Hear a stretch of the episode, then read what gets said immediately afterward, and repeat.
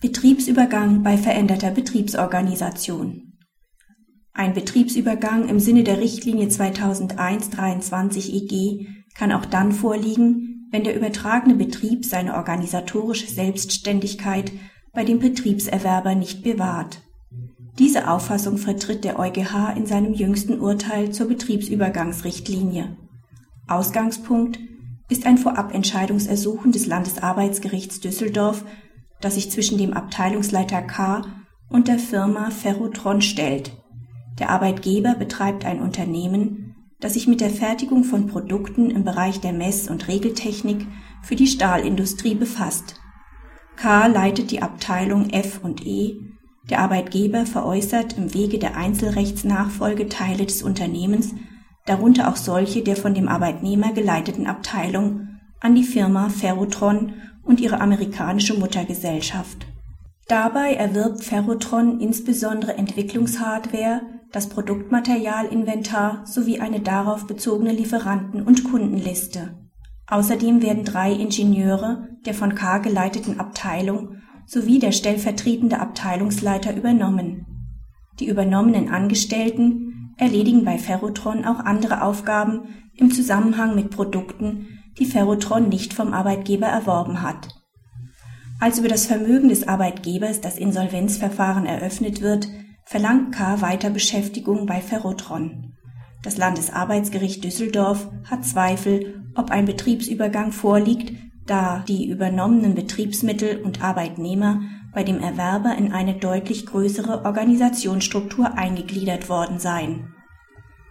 Der EuGH folgt dieser Auffassung nicht nach seiner Ansicht ist es nicht erforderlich, dass ein übertragener Unternehmens- oder Betriebsteil seine organisatorische Selbstständigkeit bei dem Betriebserwerber bewahrt, sofern die funktionelle Verknüpfung zwischen den übertragenen Produktionsfaktoren beibehalten wird und sie es dem Erwerber erlaubt, diese Faktoren zu nutzen, um derselben oder einer gleichartigen wirtschaftlichen Tätigkeit nachzugehen der Betriebserwerber macht zwar im vorliegenden Fall geltend, dass die veräußerte wirtschaftliche Einheit ihre Identität infolge einer Eingliederung in eine vollkommen neue Struktur nicht beibehalten habe.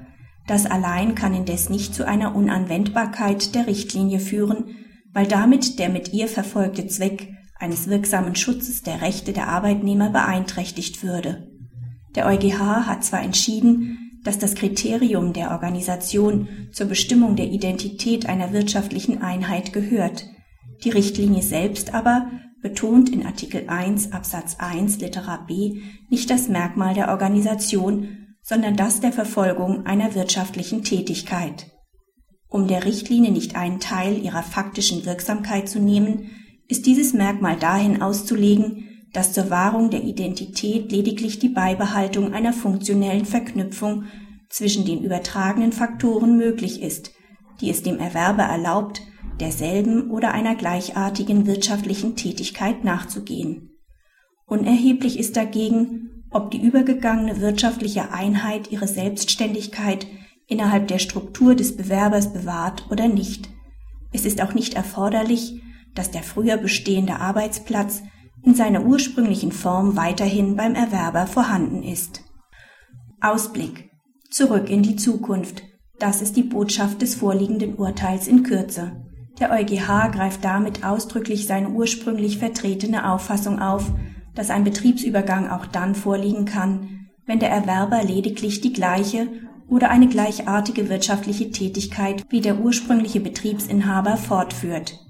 Damit verstärkt sich der bereits in den Entscheidungen Abler und Güne-Görres gewonnene Eindruck, dass der EuGH für die Annahme eines Betriebsübergangs nicht auf den Fortbestand eines bestimmten Arbeitsplatzes, sondern auf die Möglichkeit der Ausübung einer gleichartigen Tätigkeit beim Betriebserwerber abstellen will.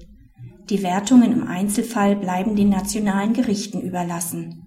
Es ist allerdings nicht zu erwarten, dass sich die bisherige Rechtsprechung des BAG zur Eingliederung von Betriebsmitteln im Erwerberbetrieb uneingeschränkt aufrechterhalten lässt